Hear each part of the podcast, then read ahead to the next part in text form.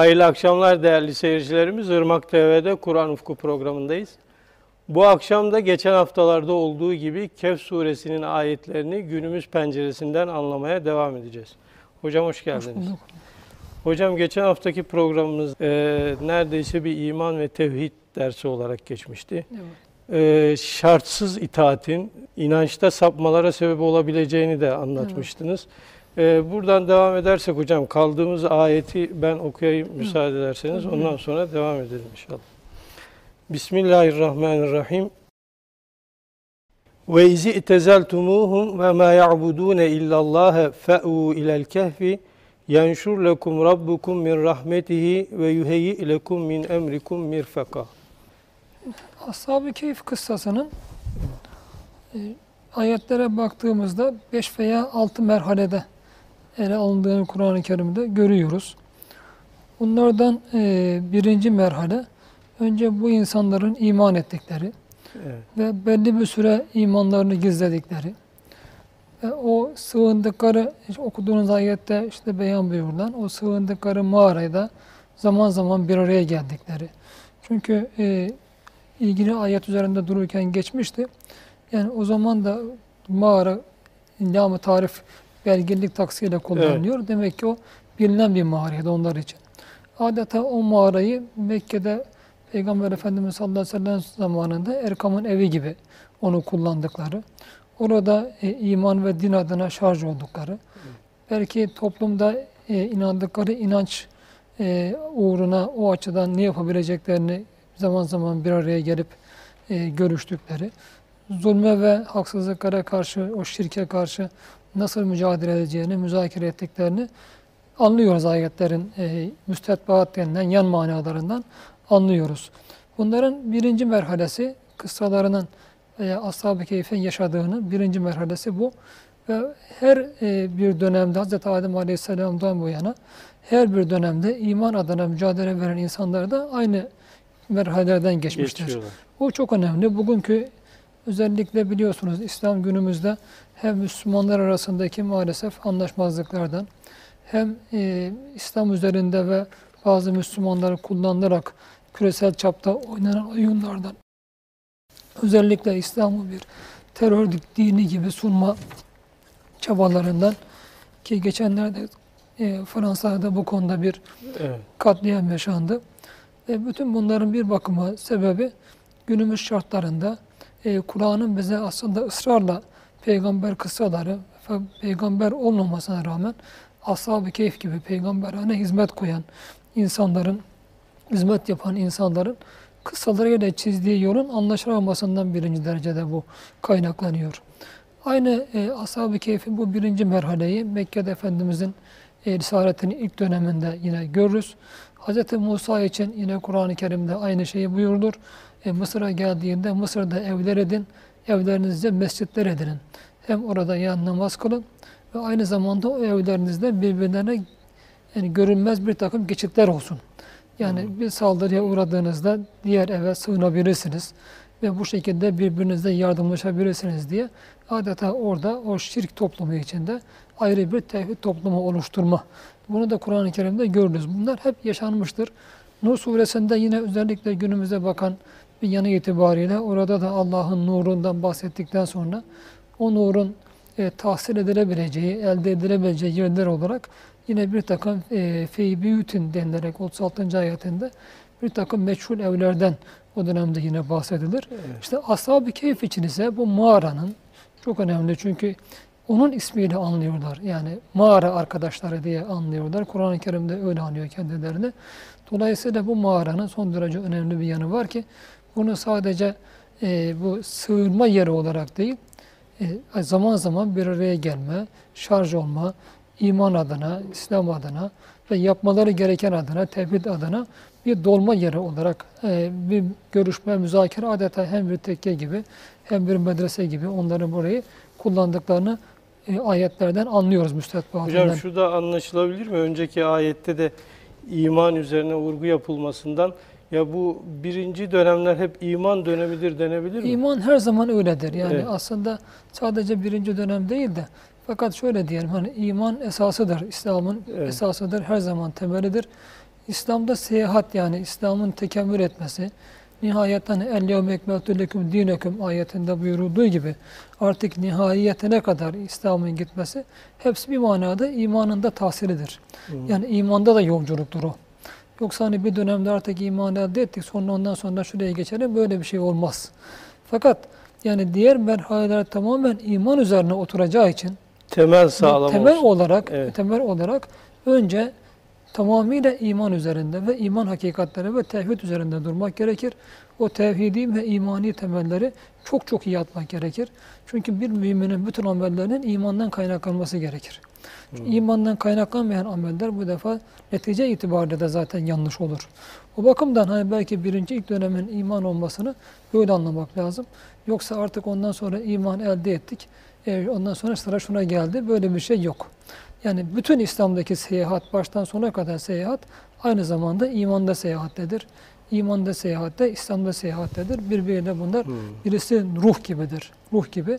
Diğeri de o ruhun mesela anne karnında bir hücreden bir insanın meydana gelmesi, toprağa atılan bir çekirdek veya tohumdan bir ağacın çıkması gibi neticede yani o ruhun bir manada bir ceset giymesi gibidir. Diğer bütün İslam'ın merhaleleri.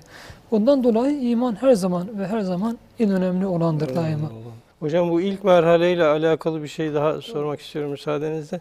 Ya bunların böyle her dönemde işte o dönemde mağara sonra İbn Erkam evi bu da bir tedbirli olma işareti olabilir mi? Yani tedbirli davranılması gereken bir dönem diye mi Tabii algılamak şundan lazım? dolayı yani tedbirli şu manada bunu yani bu sayfadaki ayetlerde gelecek bu. Ashab-ı Kehf'te çok üç tane yani İslami hizmet adına üç husus Evet. öne çıkardır. Bunlardan birisi telattuf, işte bizim tedbir dediğimiz şey. Evet. Yani düşmanlıkları pek fazla üzere çekmeme. Ee, insanlar tarafından çünkü her zaman ve her zaman hakkın, hakikatin ve İslam'ın düşmanları olmuştur. Bu insanlık tarihinin en temel bir vasfıdır. Kur'an-ı Kerim Hazreti Adem Aleyhisselam, Hazreti Havva Aleyhisselam, Aleyhisselam onları yeryüzüne indirirken, yeryüzü hayatlarına gönderirken o e, yaklaşılmaması gereken ağaca yaklaştıktan sonra gönderirken kiminiz kiminize düşman olarak inin buyuruyor. Demek ki artık yani yeryüzünde nasıl her şey Allah kainatta, maddi alemde birbirine zıt yaratmışsa, mesela beyazla siyah, Evet. geceyle gündüz, iyi ile kötü, çirkinle güzel zıt yaratmışsa, bu insanın hayatında yani bütün içtimai, ferdi hayatında da böyledir. Her zaman bir tarafta müminler, bir tarafta inanmayan kafirler, fasıklar, münafıklar, zalimler her zaman oraya gelmiştir. Ta baştan beri oraya gelmiştir. Ve Hazreti Üstad da buna e, yani iki tane akan nehir diyor. En sonunda bunlar birisi cehennemi dolduracak, ahirette birisi de cenneti dolduracak şekilde bu akıp geliyor. Bu mücadele zaten baştan beri var. İnsanlığın ta başından beri vardır. O bakımdan Kur'an-ı Kerim'de zaten yani bütün kıssalarda bunu e, tamamıyla e, öne çıkarır. Ve e, işte bu evlerde başlamasının sebebi yani bir yerde hak, hakikat ve İslam anlatılmaya başladığı zaman kendiliğinden zaten onun düşmanları ortaya çıkar. Hı. Kendiliğinden çıkar. Ayet-i Kerime'de biz her nebi için diyor. Bu her nebi derken bundan sadece nebilerin kastediğini anlamamak lazım. Çünkü Kur'an-ı Kerim'de e, Fatiha suresinde kendilerine e, uymak için, yollarında gitmemiz için sırat-ı müstakim olarak gösteriyor. dua e, ettiğimiz, Allah'ın bize dua ettirdiği şahıslar nebilerden başka sıddıkın, şüheda, salihin üzerinde durulmuştu. Bunlar yani Resul, Nebi veya bunların varisi olan bir sıddık, bir şehit veya bir salih tarafından başlatan her harekette Kur'an-ı Kerim insan ve cin şeytanlarından onların karşısında mutlaka diyor bir düşman şebeke var etmişizdir. Yani bu kaçınılmazdır yani. Hiçbir zaman tamamen bu Allah'ın bir kanunu. Hayat böyle kurulmuş, insanlık tarihi böyle devam ediyor. O bakımdan o düşmanlara karşı tabii bir kişiyle yola çıkıyorsunuz, iki kişiyle yola çıkıyorsunuz, üç kişiyle yola çıkıyorsunuz. Babanız evinizde size karşı, dedeniz karşı. E, sahabe-i kiramdan pek çokların olduğu gibi dışarı çıkmasın diye evde zincirlere vuruyorsunuz yıllarca. E, ve en yakınlarınızdan Peygamber Efendimiz gibi hani Abdullah bin Selam Hazretlerinin yüzünü görür görmez bu yüzde asla yalan yoktur diye iman ettiği öyle bir zata böyle iki tane amcasının inanmadığını e, Kur'an-ı Kerim'de, hey, Siyer'de çok açık olarak bunun biri Kur'an'da açıktır. Ebu Leheb'in inanmadığı. Yani Siyer'de bunu görüyoruz. E, böyle şartlarda elbette insanın e, kendisini koruması, aynı zamanda inancını koruması ve bunu e, tebliğ edebilmesi için bir tedbire ve mutlaka ihtiyacı vardır. Yani o evler bu manada buyurduğunuz gibi o vazifeyi de görür. İkinci merhale, e, Ashab-ı Kehf'te gördüğümüz ikinci merhale, artık bunların bir noktadan sonra sanki Peygamber Efendimiz de فَاسْتَعْ بِمَا تُؤْمَرْ Yani Efendimiz sallallahu aleyhi ve sellem de Mekke'de uzun bir süre gizli gizli davette bulundu. Mesela Hz. Ebu Zer'in iman etmesine baktığımızda bunu çok açık görürüz. Fakat o mübarek zat biraz yani, tahammülsüz dersem tenkit etmiş olurum. Yani ruhunu rencide etmiş Fıtrat olurum. itibariyle. Fıtrat itibariyle mütehiç bir Evet. zattı. Ve dolayısıyla o e, İslam'ı da Efendimiz'den öğrenince, ilk alınca onun kendisinde meydana getirdiği muazzam bir inkılap, ruhunda meydana getirdiği muazzam bir taşma diyeyim coşkunlukla üç defa, üç akşam gitti. Kabe'de iman etti, imanını ilan etti. Üç günde dayak yedi. Sonra Efendimiz buyurdu ki sen dedi e, git. Yani burada sen e, bize da zarar Zarar verebilirsin. verir. Git dedi memleketine. Ne zaman bizim açık ortaya çıktığımızı görürsen o zaman sen gelirsin. Medine'de Ebu Zer Hazretleri gelmiş katılmıştır. Dolayısıyla yani burada Mekke'deki ilk dönemlere baktığımızda Ashab-ı Keyf'in ne yaptığını çıkarabiliriz. Yani Evet. e, burada Kur'an tafsirata girmiyor ama fakat benzer hareketleri tafsiratı anlatırken Onların da aynı yoldan, aynı çizgiden gittiğini çok rahatlıkla söyleyebiliriz. Bu defa bunlar işte aynı Efendimiz sallallahu aleyhi ve sellem fesda bime tükmer. Artık sana emredileni kafa çatlatırcasına anlat. Yani anlat da anlat artık yani. Anlat da anlat. Şimdi bugün buradan aklıma bir şey geldi. Cemaatle alakalı bazen geçen fakir yine bir yazı yazmıştım gazetede. Bir yazı yazınca maalesef bazı merkezlerden tahrikte acayip hücumlar oluyor. Yani diyorlar ki cemaat çok gururlu, çok mütekebbir. Ya Kur'an-ı Kerim فَاَمَّا بِنِعْمَةِ رَبِّكَ فَحَدِّثْ Yani e, cemaatin savunduğu değerlerin anlatılması ve tahdise nimet olarak Allah'ın hani bir nimetlerinin e, insanlara iletilmesi ve e, bunda yani neresinde gurur, neresinde kibir olur. Bir manada Evet. emir bile Ta, anlaşılabilir. emir tabii yani bu bir emirdir yani. Sen Evet. bir yani mecburen Kur'an-ı Kerim nasıl o e, İslam'ı anlatıyor, Efendimizin hakkaniyeti anlatıyor. Ona inanan ins- insanları övüyor Allah yani müminler dediği yerde fevkalade bir şekilde onları sena ediyor Allah. E, dolayısıyla bu Kur'an'ın ve Peygamberimizin üslubu ve yolu. Elbette e, bir manada dava ettiğiniz bir düşünceyi, bir inancı, bir dini anlatacaksınız, öveceksiniz onu ve o yolda giden insanları da Cenab-ı Allah'ın onlara kazandırdığı bir takım sıfatlarla onları da örnek olarak diğerlerine göstereceksiniz. Yoksa bu sadece onları ön, övme, övme manasına değil. Biz bir şahsı kalkıp da falan şahıs velidir, şudur demiyoruz ki deniyor ki genel şahsı manevi içinde, Şahsı şahsı manevi içinde bu İslam'ın övmedir. Bu Kur'an'ı övmedir, sana etmedir. Yani bu yoksa şahısları haşa öne çıkarma demek değil. Fakat maalesef bu şekilde yanlış anlama demeyeyim de kasti yanlış anlamalar, kasti yanlış an- anlamalar oluyor. Üstadın da aslında çok fazla o tahdisi nimet nevinden Emirdir. anlatmaları Hatta var. Kur'an-ı Kerim فَاَمَّا بِنَمَّةِ رَبِّكَ فَحَدِّثْ O teksir ifade eder. Yani tefvir babı biliyorsunuz Arapçada. Sürekli anlatma. Anlat da anlat. Durmadan anlat. Onu anlatmak aynı zamanda bir tebliğdir. Aynı zamanda bir tebliğdir. Yani durmadan tebliğ et ve Evet. Allah'ın sana nimeti anlatarak tebliğde bulun demektir bu. İşte Ashab-ı Kehf de burada Efendimiz o artık anlat da anlat. Kafaları çatlatırcasına anlat. O emirin e, ikinci bir dönem. E, Nasıl Efendimiz sallallahu aleyhi ve sellem'in tebliğinde ikinci bir dönem e, ifade ediyorsa burada Ashab-ı Kehf'in çok açık görüyoruz. İkinci bir merhale onların kıssalarında o kralın veyahut da döne, bölgenin valisinin, eyalet valisinin önünde bu defa tevhidi haykırmaları, şirke baş kaldırmaları ve baş kaldırırken de gayet olgun. Yani meseleyi illa bizim yolumuz da bizim yolumuz değil. Hakikatin yolu, Evet. ilmin tescillediği yol. Yani mutlaka bir hakka dayanan bir yol olarak. Çünkü kavmimiz Allah'a tuttu, başka başka ilahlar edindi. Bu yaptıklarına bir delil getirmeli değiller miydi diyor. Demek ki mesele tamamen delil ve bürhana e, dayanan. İkna ederek İslam da böyle. önceki. Evet, burada da bize Kur'an'ın öğrettiği bir şey var. Anlatırken e, düşüncenizi, inancınızı, davanızı anlatırken bunu delilleriyle anlatın insanlara. Önce akıllarını ikna edecek şekilde anlatın. Kalplerini ikna edin, ruhlarını, sırlarını, hafiyelerini ikna edin. E, tatmin olsunlar. Demek ki bu da Kur'an e, başkalarına İslam anlatmak isteyenlere de anlatmayı dava edilenlere, hayatının gayesi edilenlere de Kur'an-ı Kerim bu şekilde biz aynı zamanda bir öğretmede öğretiyor bize bunu. Çünkü insan sadece akıldan e, e, mürekkep bir varlık değil. Sadece ruhtan mürekkep bir varlık değil.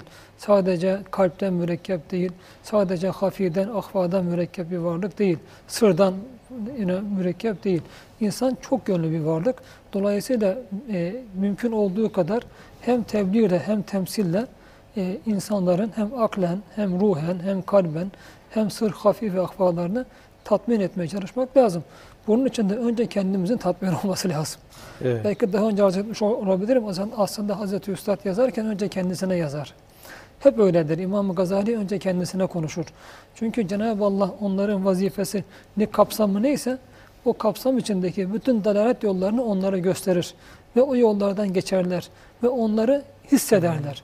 Dolayısıyla kendileri o kapasiteyi hissettikleri için bu defa önce kendilerini tatmin için e, yazarlar, düşünürler ve sonra kendileri tatmin olduğu o kapasitedeki bir insanlar tatmin oluyorsa tabii onlardan çok daha dar kapasitedeki insanlar elbette Hayli tatmin hayli olmalı. tatmin olmalı. Dolayısıyla önce okuyarak, anlamaya çalışarak, bütün letaifimizi kullanarak kendimizi tatmin etmeye ve başkalarını da bu şekilde tatmin etmeye çalışmak gerekiyor. Bu tatmin anlatma sadece dille değil, aynı zamanda halleriyle anlatma, Evet. e, davranışların diliyle anlatma, temsilin diliyle anlatma. Bunlar birbirini tamamlayıcı olmalı. Üstad da hocam yazdığı Haşr Risalesi gibi şeyleri yüz defadan fazla okuduğunu Okuduğun söylüyor hatta yazdıktan mektubatı sonra. sanki 500 defa okuduğunu mu ne? Evet. Hoca Efendi'den duymuştum hafızam beni yanıltmıyorsa. Evet. Yani mektubatı 125 mi demişti, 500 mi demişti. Yani hafızam yanıltmıyorsa mektubatı kendisini. Çünkü üstad da onun talebesi. Bazıları onu da yanlış anlıyor. Yani e, bu üstadın kendi kitabı eseri değil ki. Eserim demiyor ki. Kendisini aradan çekiyor. Bana bakarak, benim gibi bir adama bakarak bu eserleri değerlendirmeyin diyor. Bu defa diyorlar ki yani üstad ne kadar işte mütekebbir, haşa gururlu yani. Yani değil. Yani bunları benim malım değil derken aslında yani o kendisi aradan çekerek benim gibi doğru dürüst hani kendisi öyle diyor yani Evet. konuşamayan e, Kürtken Türkçeyi sonradan öğrenmiş. Mesela Kürdistan'da yetişip Türkçeyi sonradan öğrenmiş bir insan ve kendi haline de bakılınca hani bugün bizim kafamızda bir Müslüman adem mürşit imajı vardır. Hiç o imaja da uymuyor. Yani şimdi Evet. dolayısıyla bana bakarak diyor risadeleri değerlendirmeyin. Üzümün Doğrudan- hasiyeti ha, kuru ha, Aranmaz aranmaz. Allah razı Evet. olsun. Doğrudan diyor ona risalelere bakın diyor. Kendisini de birinci derecede risalelere talebe kabul ediyor. Belki Kur'an'da bütün Efendimiz'den bu yana en fazla okuyan ona birinci derecede en önde talep olan Efendimiz sallallahu aleyhi ve sellem'dir. Çünkü o, o da onun eseri değil. Doğrudan doğruya o onu bize aktarıyor. Vahiy olarak onu alıp bize aktarıyor. Birinci derece onun talebesi de Efendimiz sallallahu aleyhi ve sellem'dir. Şimdi bu ikinci e, merhale. Üçüncü merhale işte e, bu yaptıkları tebliğin karşısında bu defa elbette muazzam bir tepki görüyorlar. Korkunç bir tepki görüyorlar. Kur'an-ı Kerim bu tepkiyi anlatmıyor. İşte burada e, bir e, hasf-ı icaz denilen Kur'an'ın çok önemli bir mucizesini, lafzının da mucizesini görüyoruz. Burada yani onların ilanından sonra tev, tevhidi ilan, şirke baş kaldırı femen azam min mimmen iftara alallahi kezibe. Ashab-ı Keyf'in kıssasının bu ikinci merhalesi olan onların e, tevhid adına şirke baş kaldırma ve tevhidi ilan etme neticesinde neler yaşandığını Kur'an-ı Kerim bize beyan buyurmuyor. Evet. Bu Kur'an-ı Kerim'in e, hasf-ı icaz denilen yani e, lafzının icaz mucizelik yönlerinden birisidir. Çok yerlerde bunu görürüz. Bunu bir bakıma Kur'an-ı Kerim akla havale ediyor. Maalesef çok hocam çok acı bir gerçek var ki fakir şimdi bir çalışma yapıyorum bu 19. asır 20. asırda Batılıların veya Batılı olmayan bir takım başka yabancıların Kur'an, İslam Efendimiz sallallahu aleyhi ve sellem ile ilgili neler söylemişler. Bilhassa takdir manasında.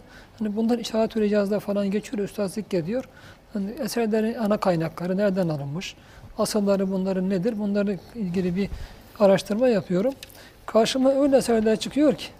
Şimdi bir tarafta bakıyorsunuz mesela John Davenport diye bir İngiliz'in 19. asırda yazdığı e, Muhammed ve Kur'an'dan dolayı özür diye çok güzel bir kitap var. Yine 1830'da fa- zannediyorum 1830 veya 32'de Higgins diye bir zatın yine Arapların peygamberi Muhammed veya övülmüş de adına özür, övülmüş için özür diye hemen hemen 200'e yakın maddede İslam'ı savunan e, kitabı var. Bunlar Müslüman olup da mı Değil, yazıyorlar hocam müsteşrik yoksa hepsi. müsteşrik, hepsi müsteşrik. olarak? Bir Hindu'nun, Hindu değil, Hindistan'da bir ateistin 1930'da yazdığı yine bir kitap var. Şimdi ben o, o kitap biraz hep ağlayarak okudum. İslam'ı ve Efendimiz'i bizden çok daha iyi anlatıyorlar. Yani de- demek ki ufukları, yani değerlendirme ufukları çok iyi ve dolayısıyla çok güzel anlatıyorlar. Fakat beri tarafta işte anlayamadıkları noktalar var. Mesela Kur'an'la ilgili o Higgins bu diyor e, Osman'ın kitabıdır diyor. Mesela Hmm. hani buradaki bir takım şeylerden Muhammed sorumlu tutulamaz. Yani Efendimiz sallallahu aleyhi ve sellem'i savunma adına bu defa Kur'an-ı Kerim'i Hazreti Osman'a e, mal ediyor. Şimdi bu neden kaynaklanıyor? Bu bir, yani İslam'ı bütünlüğü içinde kavrayamamaktan kaynaklanıyor. Kendi şartlarında tamamen yani bütün yüzleriyle beraber bir bütünlük halinde kavrayamamaktan kaynaklanıyor. Bir de özellikle Kur'an'ın üslubuna çok takılıyorlar. Mesela bir e, Alman e, antropolog çok ağır söz söylüyor Kur'an üslubuyla ilgili, Kur'an'la ilgili. Tabii ben hak edemeyeceğim. Cevap verilen cevaplar da var buna. Mesela Margariot, meşhur müsteşrik, onun çok güzel bir ifadesi var. E, Kur'an'ın e, üslubuyla alakalı. Fakat diğerleri ise bu üslubu maalesef bugün de biz e, tanıtmış sayılmayız. O bakımdan yani fakir ben çok önem veriyorum. Bu Hazreti Üstad'ın İşaretül İcaz, Hoca Efendi'nin bir icaz hecelemesi gibi Hecelemesi. eserlerini ve Kur'an-ı Kerim'in bu lafzı üzerinden, üslubu üzerinden anlatılmasına bence zamanımızda çok ihtiyaç var. Çok fazla ihtiyaç var. Oysa mesela Kur'an-ı Kerim'de zannediyorum Saat suresinde olacak. Ben acip de ve yesharun. Yani sen böyle o Kur'an'ın güzelliği, onun hakikatlerinin fevkaladeliği karşısında hayretten hayrete düşersin. Diğerleri ise alay ederler diyor. Yani bu üslup bugün Müslümanlar tarafından da maalesef anlaşılmış değil. Yani oysa öyle bir Kur'an-ı Kerim'de fevkalade bir üslup var ki yani bu e, bunu idrak edemediğimiz gibi maalesef anlatamıyoruz da. İşte bunlardan birisi bu üslup Kur'an-ı Kerim harikalıklarından birisi hasfi icaz dediğimiz arada mesela insanın aklına bırakır. Şimdi bunu yaparken niye? Mesela burada bazı hadiseleri Kur'an-ı Kerim atlıyor. E, bir defa hani arife tarif gerekmez. Yani orada ayrıntıya girmek insan aklına, insan düşüncesine bir hakaret teşkil eder. Evet. Yani niye oldu? İkinci olarak Kur'an-ı Kerim orada insanları detayda boğmaz. Yani çünkü biz çok e, kesrette ve detayda boğulmaya çok yakınızdır. Yani oradaki ana dersi, Kur'an-ı Kerim vermek istediği dersleri bırakırız. Bu defa onun hadiseleri magazin yanında maalesef hep boğuluruz. Bu e, çoğu kitaplara baktığımızda bu Ashab-ı Keyif kıssası anlatırken ve başka kıssa anlatırken bunları hep görürüz. Sanki Kur'an'daki anlatımlar, anlatımlar o anlatılmaktaki gaye adına, dini anlama adına, İslami hizmet adına yetmiyormuş gibi bu defa o İsrailiyatla doldururuz. İşte bir sürü yazılmış peygamberler tarihleri vardır. Hemen hemen çoğuna yakını böyledir. Evet. İsrailiyatla doldurulur. Onlarla roman gibi onlarla doldurulacağına o kıssalardaki ibretlerle beraber bize anlatılmış olsaydı bu yazılanlar bir vazife görmüş olurdu ama maalesef onlar işte birer hikaye gibi, roman gibi okunup geçiyor. Bir de hocam e, Kur'an-ı Kerim e, bir yerde anlatıyorsa bu bir başka yerde aynı olayı Ama onu da anlatırken arz anlatıyor. edecektim yani zaten hani burada bunu Kur'an-ı Kerim hani nasıl e, ikinci merhalede onların Evet. e, baş kaldırılarını e, bir yine Kur'an-ı Kerim burada bir özetiyle bize veriyor. Ha, bunun tafsilatını merak ediyorsak işte benzer kıssalarda çok rahat görebiliriz. Şimdi yine burada onların baş kaldırmasından sonra e, mağaraya sığındıklarını bir de Kur'an-ı Kerim oraya geçiyor. Evet. E, arada demek çok önemli hadiseler olmuş olması lazım ki onlar e, mağaraya sığınmış olsunlar. İşte bu arada olabilecekleri Kur'an-ı Kerim bizim idrakimize havale ediyor, aklımıza havale ediyor. Bu manada da bir bakıma Kur'an'ın diğer surelerinde aynı e, çizgide cereyan eden hizmetler neyle karşılaşmışsa elbette diyor bunlar da onunla karşılaşmıştır. Bizi oralara havale ediyor. Yani buradaki diyor boşlukları siz bakarak diyor çok rahat doldurabilirsiniz. O bu kıssa çerçevesinde bize ne vermesi gerekiyorsa Kur'an-ı Kerim onları vererek gidiyor. Onları Bir de o arada her dönemde farklı şeylerde cereyan edebilir tabii. Edebilir, Yani Şimdi burada demek ama bundan sonra üzerinde duracağım şimdi ayette ve izâ tezâtumuhum ve mâ ya'budûne illallah. Yani işlerinden birisi mi diyor? Yoksa bu bir arada gelerek istişare ederek yaptıkları vardıkları bir sonuç mudur? Sanki yani diğer ayette aşağıda gelecek ayetlere de baktığımızda Allah alem önlerinde işlerinde bir tane kendilerine rehberlik yapan e, rehber kabul ettikleri herhalde birisinin var olduğu anlaşılıyor. Çünkü daha sonra gelecek e, ayet-i kerimede de kâle kâülün yani diyen birisi dedi derken e, bir tane de işlerinde rehberlik yapan birinin var olduğu e, O dönemde görülüyor. o adet var mıdır bilmem ama hani Efendimiz üç kişiyseniz aranızda birini imam seçin. O adet değil. O zannediyorum her dönemde mutlaka yani zaten aynı hizmeti gören insanların yaptığı ve yapması gereken bir şeydir. Yani üç kişi de olsa bir tane rehberin olması, bir imamın olması zaruridir. Yolculukta dahi Efendimiz Evet. sallallahu aleyhi ve sellem bunu malum tavsiye buyuruyor. Buradan da işlerinden bir tanesinin öyle bir diğerlerine rehberlik konumunda olduğu adım önde. anlaşılıyor. Allah alem onun şeyi Evet. ve izâ tezeltumuhum artık onları terk ettiniz diyor. İ'tezele. İ'tezele azir kökünden gelir malum. Azletmek manasına gelir. O meşhur e, Mutezile'nin Mutezile zaten e, bir manada kopanlar demektir yani. evet. Azledenler ve azledilenler demektir. İ'tezele anne vasılun. Hasan-ı Vasıl. Basri Hazretleri Vasıl'ın ayrı, bir atağının ayrılması üzere kendisine öyle buyurmuştu. Vasıl bizden ayrıldı. Fakat burada İ'tezele müteattiği kullanılıyor. Yani kendisinden sonra doğrudan doğruya bir nesle geliyor. Madem onları azlettiniz, yani artık onlarla alakanızı kopardınız, onlarla ayrıldınız, onlar da sizden koptu. Şimdi buradan çok açık bir şey anlıyoruz. Demek Ashab-ı Keyf'in o tevhidi ilanı ve şirki reddetmesi toplumda e, öyle bir ayrışma meydana getiriyor ki muazzam bir ayrışma. Bir tarafta artık bir araya gelmeleri mümkün olmayan e, bir e, müşrik, zalim taraf var. Evet. Beri tarafta artık mecburen onlardan kopup e, aralarından ayrılmış ve hem e, hizmetlerine devam ettirme hem dinlerini koruma hem kendilerini koruma adına bir mağaraya sığınma durumunda kalmış Ashab-ı Keyf var.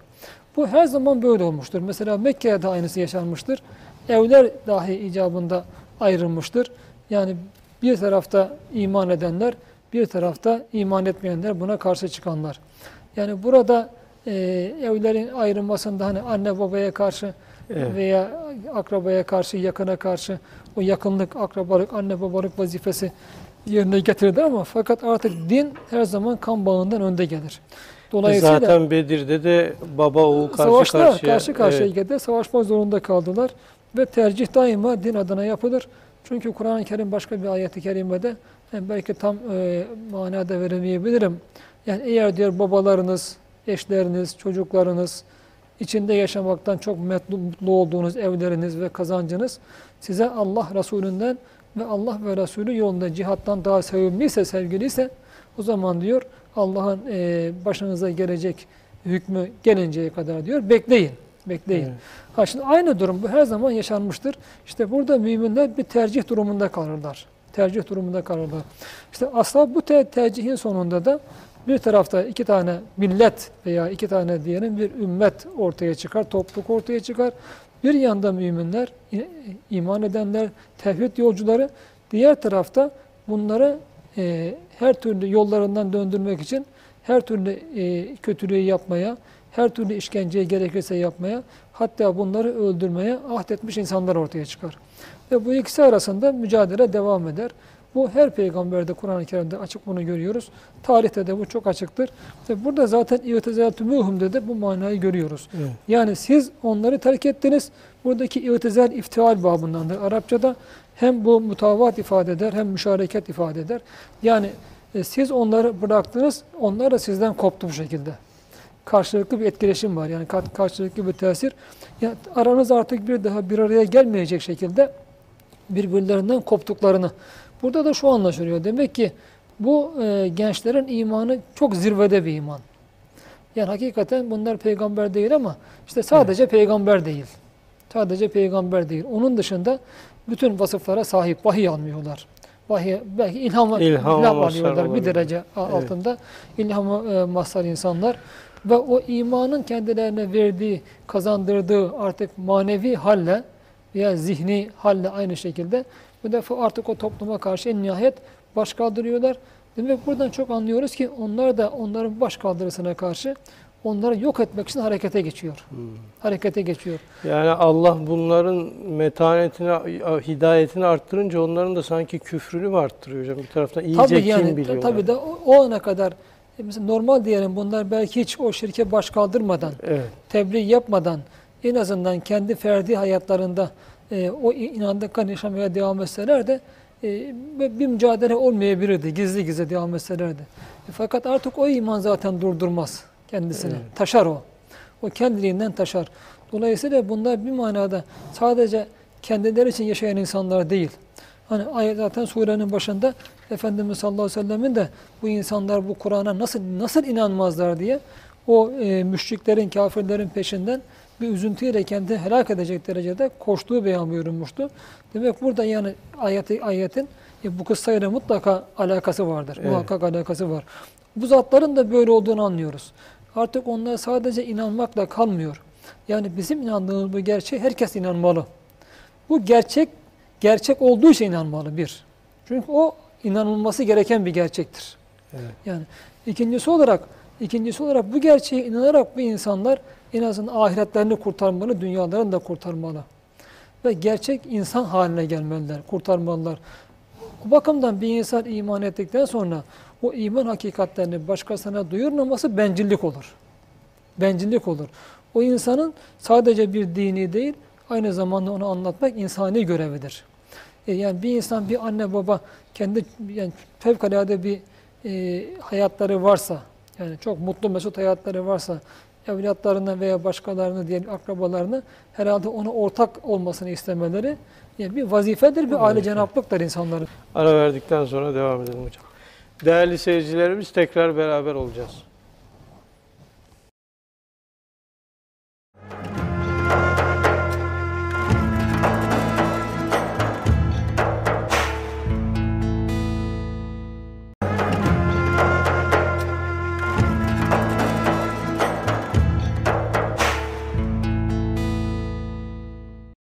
Değerli seyircilerimiz tekrar beraberiz. Hocam aradan önce Ashab-ı Kehf'in bazı merhalelerle yollarına devam ettiklerini konuşuyorduk. Kaldığımız yerden devam edelim. Evet.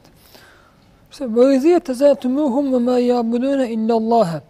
Yani artık e, siz madem onlardan koptunuz, yani arada tevhidi ilan ettiler, şirke baş kaldırdılar.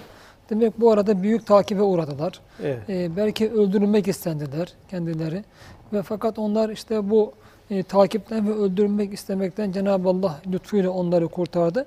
Ve bu defa daha önce sürekli olarak bir araya arada bir veya bir araya geldikleri o mağaraya e, artık korunma adına, bir tahaffuz adına oraya sığınmaya gitti, gittiler. Bu arayı Kur'an-ı Kerim bize zikretmiyor. Biraz önceki bölümde Evet. arz etmeye çalıştığım gibi var. bize bunun bir takım hikmetlerde bir Kur'an-ı Kerim bir e, icaz, lafzındaki mucizelik yönlerinden biri olarak onu bizim idrakimize havale ediyor. Ve böyle hizmetlerde, böyle hareketlerde yaşanan ne yaşanmışsa o merhalede onlarda da aynı şeylerin yaşandığını bu şekilde bize Evet. e, belirtmiş oluyor. Ve sonra işlerinden Allah-u Alem işte bir lider, rehber konumunda olan, olan onlara diyor ki artık diyor onlar da koptunuz onlardan. Yani onlar da sizden koptu. Bir araya gelemeyecek kadar birbirinizden ayrıştınız burada. Ve aynı sadece onlardan kopmakta kalmadınız. Onların taptıklarını da bıraktınız. Allah'ı bırakıp da yani onların taptıkları diğer e, ilah ve aliheler neyse onları da artık bıraktınız. Yani onlar burada Kur'an-ı Kerim ve me yabune illallah bunu zikretmeyebilirdi. Yani çünkü bu zatların e, tamamen muvahhid olduklarını, mümin olduklarını, şirkle alakalı olmadığını biliyoruz baştan yani. Evet. Bunları biliyoruz. Fakat burada zikredilirken sadece o insanlardan değil, onların ibadet ettikleri şeylerden de, nesnelerden de koptuklarına, alakası olmadıklarını Allah alem burada yeniden bir vurgu yapıyor. Yani e, artık bundan sonra öyle bir durum ki yani bizim yolumuz e, apayrı şu anda biz hem e, kavmimizden, toplumumuzdan koptuk burada ve bundan sonra bizim yolumuz yine kendi tevhid yolumuzdur. Onların taptıklarıyla da hiçbir alakamız yoktur. Katiyen alakamız Evet. yoktur. Bunu da Kur'an bu- tekrar bir defa daha vurgulamış oluyor. Ya bunu Allah için yaptık bir manada. Bir tekrar manada o var, evet. Ve la yabudune onların taptıkları burada ma diyor. Yani demek ki o insanların e, bir takım şuursuz yani çünkü ma şey manasına gelir Arapçada. Şuurlu varlıklar için men kullanılır. Demek onların taptıklarının bir takım şuursuz putlar olduğunu veya gök cisimleri olabilir. Mesela Roma'da biliyoruz Jüpiter gibi e, Afrodit gibi e, çok çeşitli e, tanrılar vardı. Yani heykelleri yapılan tanrılar vardı. Bunlar daha ziyade bazıları gök cisimlerini de e, temsil, ed- temsil ediyorlardı. Ve illallaha buradaki e, illa e, istisnası istisnaya e, munkatı olmalı. Yani çünkü Allah'a tapmıyorlar bildiğimiz kadar o insanlar. Allah'a inanmıyorlardı.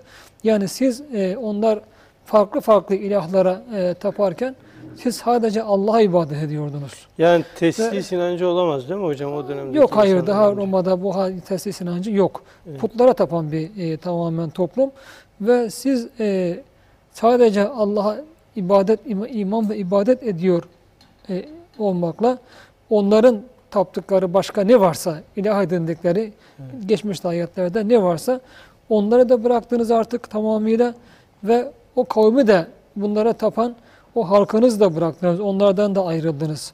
Şimdi demek artık tamamen bir araya bir daha gelmeleri mümkün olmayan bir e, araya bariyer girdi, engel girdi tamamen. Çünkü bir taraf e, küfürle iman arasında diyor Hazreti Üstad ortak nokta yoktur. Yani küfürle iman arasında hiçbir zaman e, bir araya gelme veya yakınlaşma buna ne denir e, halk, halk dilinde e, uzlaşma olmaz. Aradaki yoktur dere pek derindir kapatılamaz. şey, Çünkü evet. o evet ara, küfürle iman arası kapatılamaz. Burada bunu çok açık şekilde ifade buyuruyor Kur'an-ı Kerim'de. E ne yapın? Şimdi bunun karşısında artık yapılması gereken ne? Fe'vuhu ilel keyfi.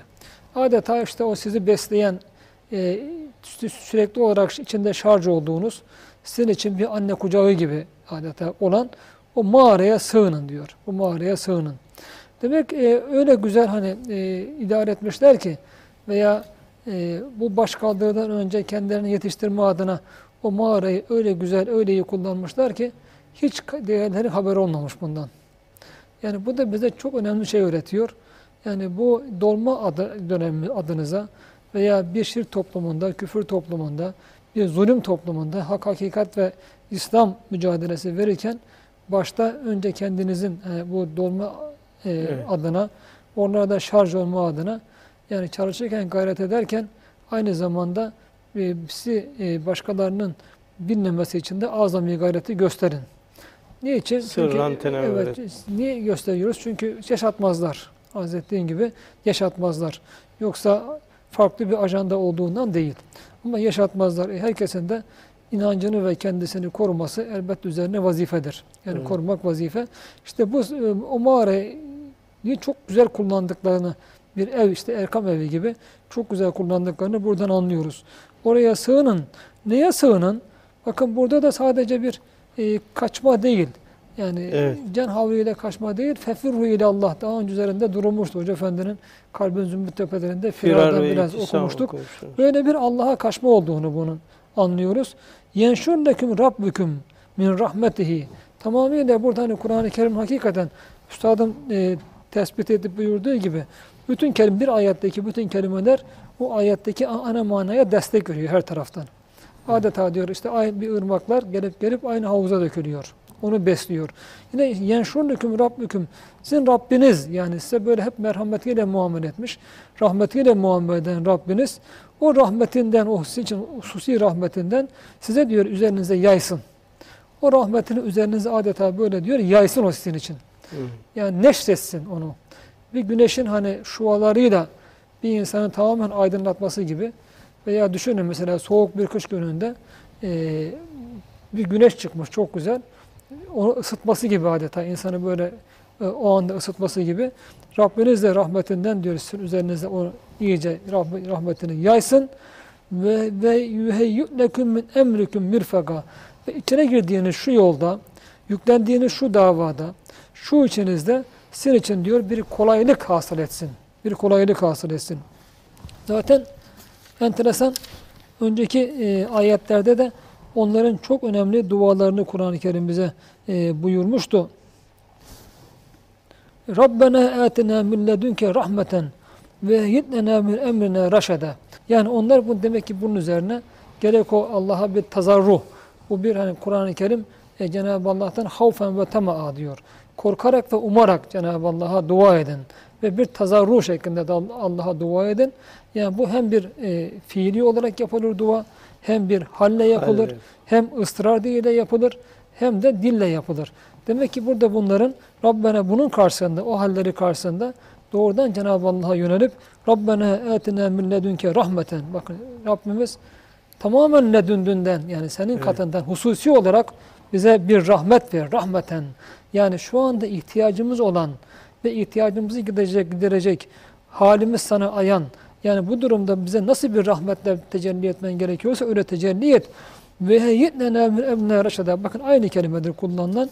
Orada yüheyyi Rabbiniz bunu yapsın diyor.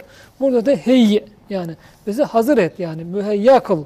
Ee, şu işimizde bizim için biz raşede yani gitmemiz gereken, takip etmemiz gereken bundan sonra doğru yol neyse o yolda Allah'ım bize götür. Götür. Bize bu doğruda yani doğru yanlış yaptırma ve rahmetinle bize böyle muamelede bulun.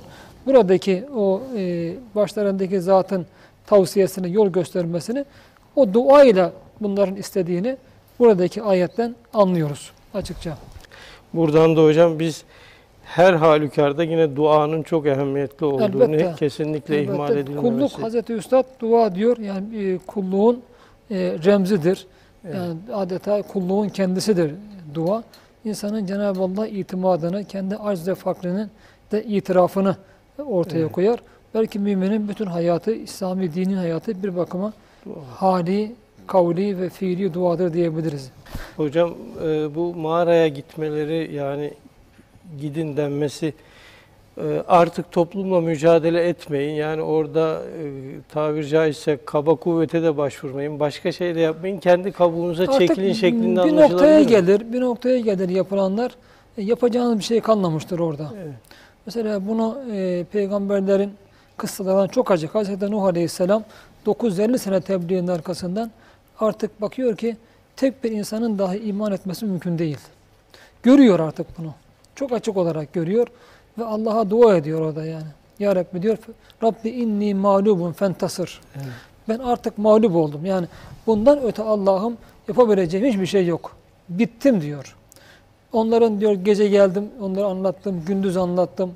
İşte şu şey değişik şekillerde tasrifler yaparak anlattım. Yani artık benim bundan sonra Allah'a vazifem adına yapabileceğim bir şey yok, söyleyebileceğim bir kelime, atabileceğim bir adım kalmadı diyor bir manada. Tükenmişlik demeyelim peygamber için de artık bir çaresizliğini, yani daha öte bir yolun kalmadığını, yolun sonuna geldiğini beyan buyuruyor. E Cenab-ı Allah da demek o, noktada artık onun hali e, çok iyi tespit etmiş ki kendisinin de halini çok iyi tespit ettiğinden Cenab-ı Allah da onun yalvarmasına karşı cevap veriyor. Biz de diyor işte gözetimimizin altında e, şu gemiyi yap dedik. Demek artık orada her şey bitiyor. Cenab-ı Allah'ın hükmünü beklemeye başlıyorsunuz artık yani. Onun hükmünü bek- bekliyorsunuz. Hz. Salih Aleyhisselam'da aynı şeyi gördünüz. Hz. Hud Aleyhisselam'da aynı şeyi gördünüz. Hz. Lut Aleyhisselam'da aynı şeyi gördünüz. Hz. Şuayb Aleyhisselam aynı şeyi gördünüz. Artık yani kavim tek bir kişinin daha iman etmesi mümkün olmadığı noktada bu defa Cenab-ı Allah o peygamberleri iman edenleri kurtarıp diğerlerini helak ediyor. Bir noktaya gelince artık demek ki Ashab-ı Keyf'in de buradaki halini öyle olduğunu görüyoruz. Evet. Yani toplum içinde kalarak yapabilecekleri bir şey yok.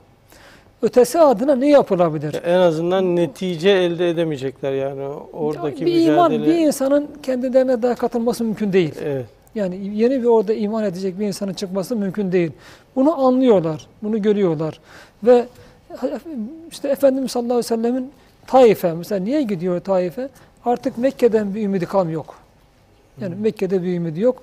Acaba Taif beni korur ve bundan sonra e, tebliğime Taif'te devam edebilir miyim?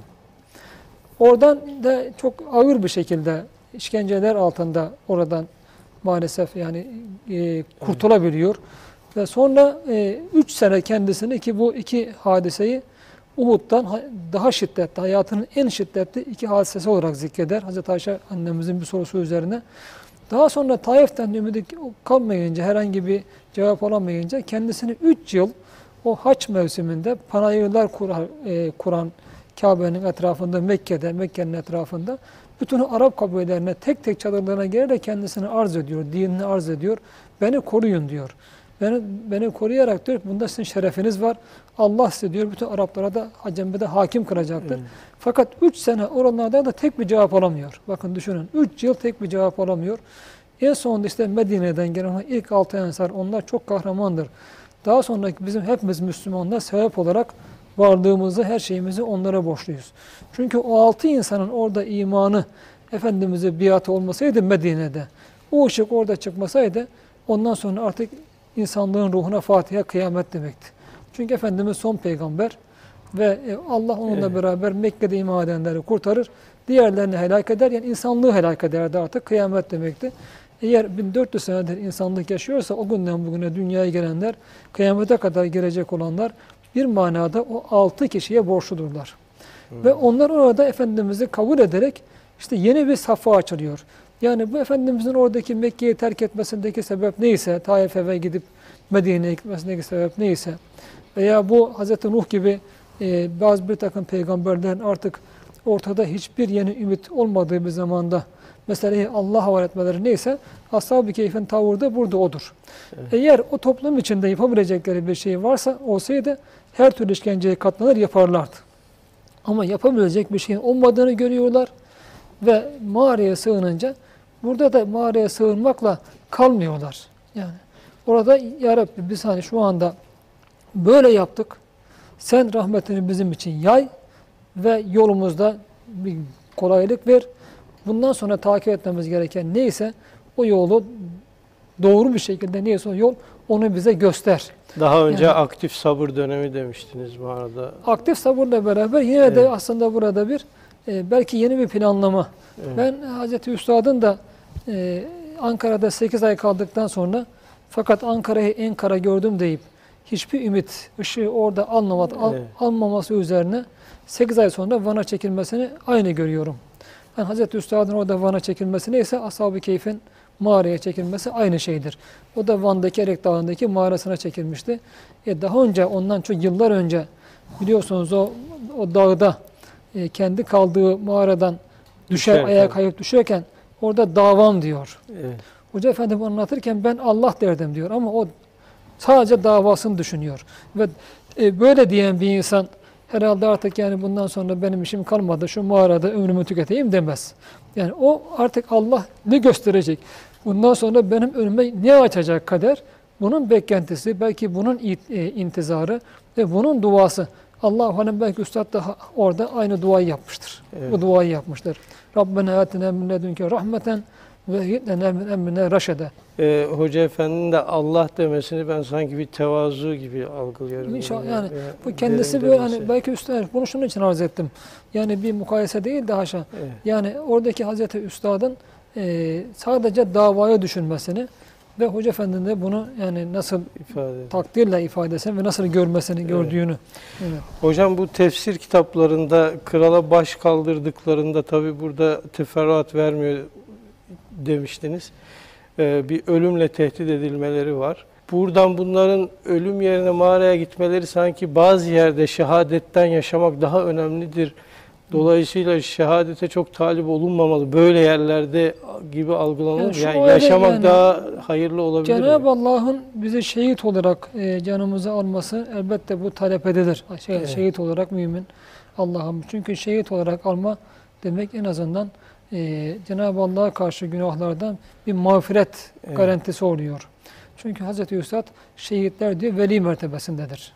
Veli mertebesinde Cenab-ı Allah onları haşredecek. Yani şimdi ama bu arzu edilir ama fakat orada e, yapmanız gereken işler varken yani ya ben işte kendimi kurtarmayayım da burada kalayım, öleyim, varayım. Bu büyük hata, intihar, adeta intihar gibi olur bu. İntihar gibi olur. Kolaycılık biraz da sanki. Daha kaçmadır, o daha Evet. çok kaçmadır. Önemli olan burada mümkün olduğu kadar hayatta kalınması gerektiği yerde hayatta kalmak, ölmesi gerektiği yerde ölmektir. Evet. Mesela savaşa çıkarsınız, mesela savaş olur, orada artık yani cepheden kaçamazsınız. Cepheden kaçmak yedi en büyük günahtan birisidir. Orada kaçamazsınız. Ama fakat burada da öyle bir diyelim hani ölümle yüz yüze gelinmediği bir yerde e, sizi e, davanızdan, düşüncenizden, imanınızdan dolayı öldürecekler. E, buna karşı da savurmaya geçme, öldürme adına çalışma da ayrıca bir vazifedir o da. Evet. Önemli bir vazifedir. Evet hocam bugünlük de vaktimiz doldu. İnşallah önümüzdeki hafta İnşallah. devam ederiz kaldığımız yerden. Değerli seyircilerimiz bugünlük bize ayrılan sürenin sonuna geldik. Önümüzdeki hafta görüşmek üzere. Hoşçakalın.